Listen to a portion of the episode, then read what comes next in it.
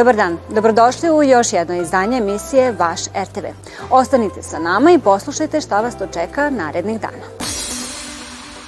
Nedavno je u poseti našoj muzičkoj produkciji bio gradonačelnik Ulma. Pogledajte kako je to izgledalo.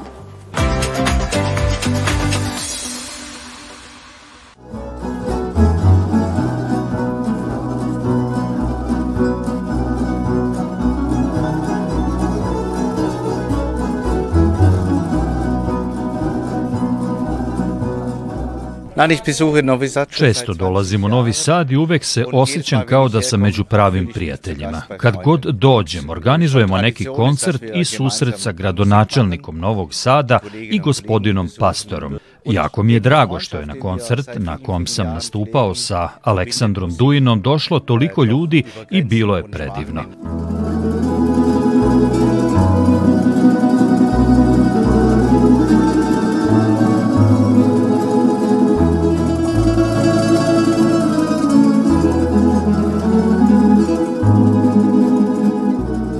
Pre svega neočekivano je zato što orkestri koji, koji po Evropi postoje, oni su uglavnom orkestri koji neguju neku world music, ono trend, najčešće su to big bandovi koji, koji rade neku uh, jazz muziku i tako nešto. Redko postoje orkestri koji neguju tradicionalnu muziku neke zemlje, a specijalno tamburaški orkestar donosi tu neku specifičnost ovih prostora i zato svako ko dođe sigurno da bude oduševljen, zato što pre svega uh, sam zvuk 22 uh, muzičara koji, koji su u orkestru uh, prezentuje nešto što je, što je zaista specifično i autentično, a virtuoznost ovih momaka je zaista takva da je, vidio sam da je cupkao stalno i da nije mogao da izdrži da sedi mirno, tako da ovaj, to dokaz da, da zaista ima snagu i, i efektu.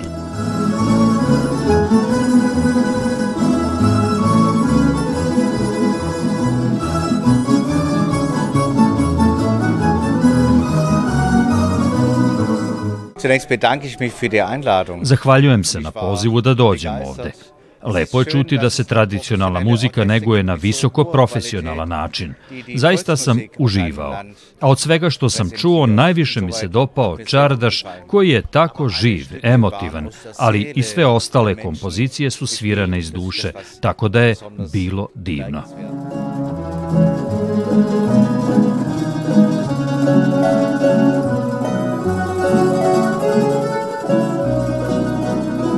Biće Interfest, recimo ove godine 20. godina ovog festivala vinskog koji će biti na trgu i naš veliki tamburaški orkestar će ga otvoriti, što je opet isto jedan lep događaj u, u centru Novog Sada. Onda se polako priprema i za Tamburica Fest. To su neke tekuće stvari, ali sigurno će, će biti puno toga što ćemo u, u hodu rešavati i završavati. Novi Sad je eine junge Stadt. Prilikom posete gradonačelniku sam rekao da je Novi Sad jedan grad mladih, da je živ i da se primeti da se u njega investira. A posebno mi je drago da je Novi Sad prošle godine bio Evropska prestonica kulture kada su naša dva grada sarađivala.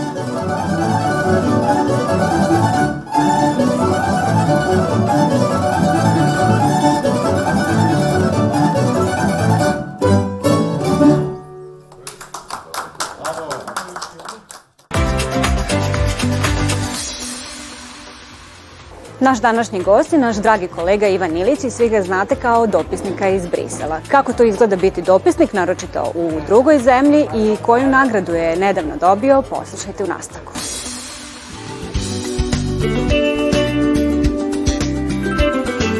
Sledeća tri sastanka održat će se u Moldaviji, zatim u Španiji i potom u Velikoj Britaniji. Moja veza sa radio televizijom Vojvodine traje od 2000 šeste godine, šesta, sedme i osme sam bio u sportskoj redakciji, bio sam sportski novinar u informativnom programu i odatle iz privatnih razloga odlazim u inostranstvo srećom u dve zemlje koje su u tom momentu tesno vezane za Srbiju. Radio sam Haški tribunal kao, kao dopisnik, izveštavao sam odatle, bilo je potrebe za, za izveštavanjem iz, iz Međunarodnog krivičnog suda za bivšu Jugoslaviju i negde u to vreme polako počinju da se odvijaju naše evropske integracije onako nekom velikom brzinom u Briselu i tada pravim taj, taj prelazak iz, iz Haga u Brisel, zapravo radim obe stvari odjedno.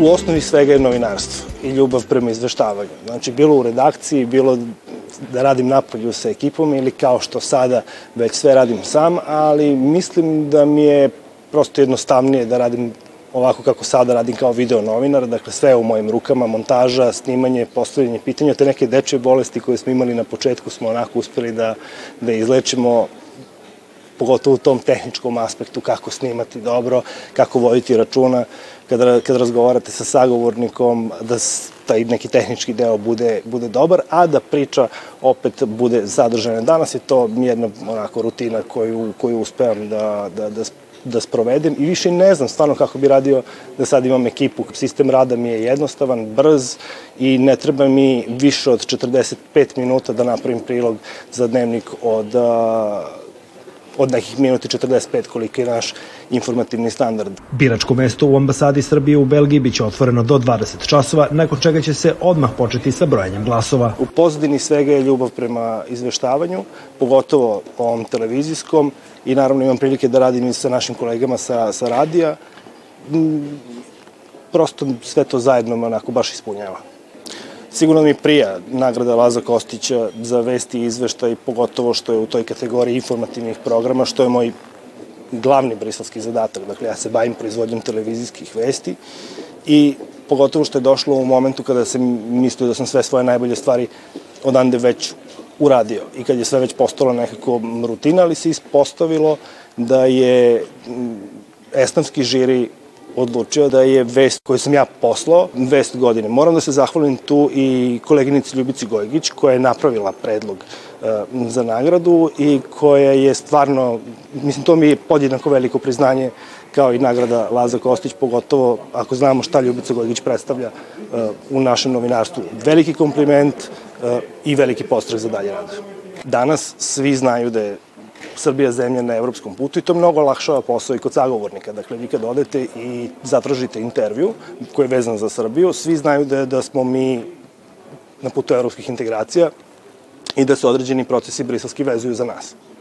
I nemamo više problem da dođemo do dobrih sagovornika, kredibilnih sagovornika, i da prosto radimo svoj posao. Među liderima Evropske političke zajednice postoji dogovor da se sreću dva puta godišnje u ovom formatu i to jednom u zemlji koja jeste članica Evropske unije, a drugi put u zemlji koja to nije. To je način na koji ja predstavljam našu kuću, dakle da smo mi javni servis koji emituje na mnogo jezika, ljudi koji žive u Vojvodini i uh, prosto su svi pristajali da učestvuju u tome. Dakle, imao sam Davida McAllistera na nemačkom za Deutsche Minute. Koliko Nemaca imamo u Vojvodini? Nemamo baš puno, imamo 4000 recimo Nemaca u Vojvodini. Sa Mađarima naravno nikad nije bio problem. Sa Rumunima isto.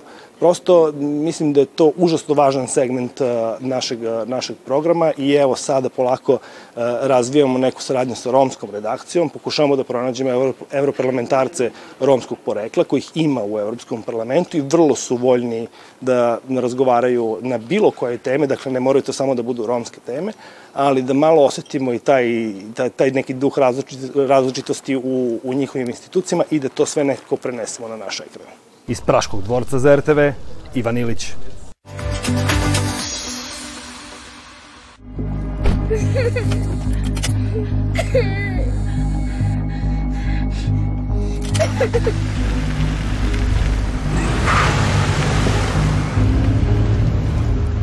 U subotu od 20 časova i 5 minuta na prvom programu RTV-a očekuje vas film Dugovi, snimljen 2021. godine.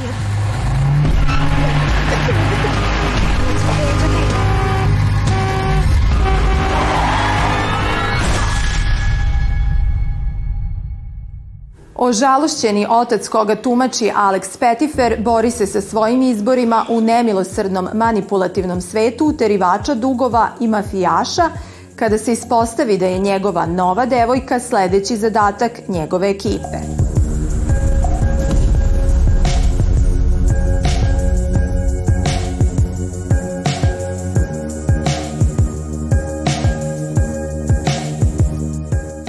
On mora da odluči šta je vrednije, prava ljubav i sreća ili njegov najveći uspeh do sada.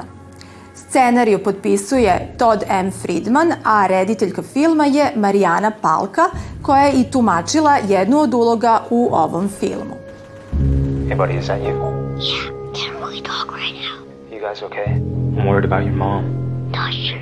She's been freaking out about my puppy. What about him? Your dad. Chio, we gotta go. What's his name? Chio, baby. Let's go.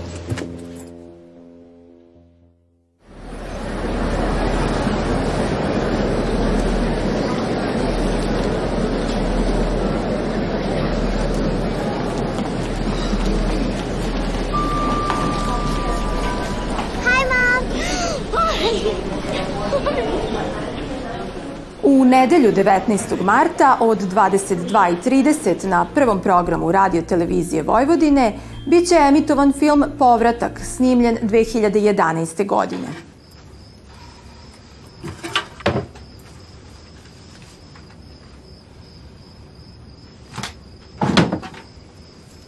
Vrativši se sa vojne misije, Kelly jedva čeka da se vrati svom starom životu u malom gradu u kom je odrasla.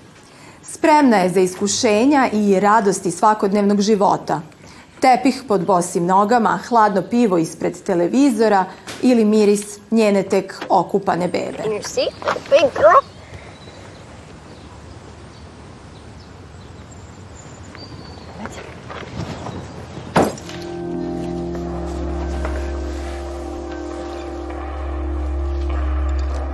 Polako, međutim, shvata da njena svakodnevica ne liči na onu koju je napustila.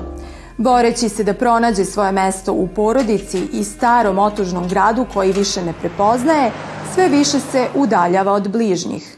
Ipak, ne odustaje od namere da živi normalnim životom i zaštiti one koje voli. All right, away we go. Wanna play game? What do you want to play? Let's walk like Frankenstein. Walk like Frankenstein. All right. Ready? Mm. Mm. Friend. Okay, now bow bow like a hunchy.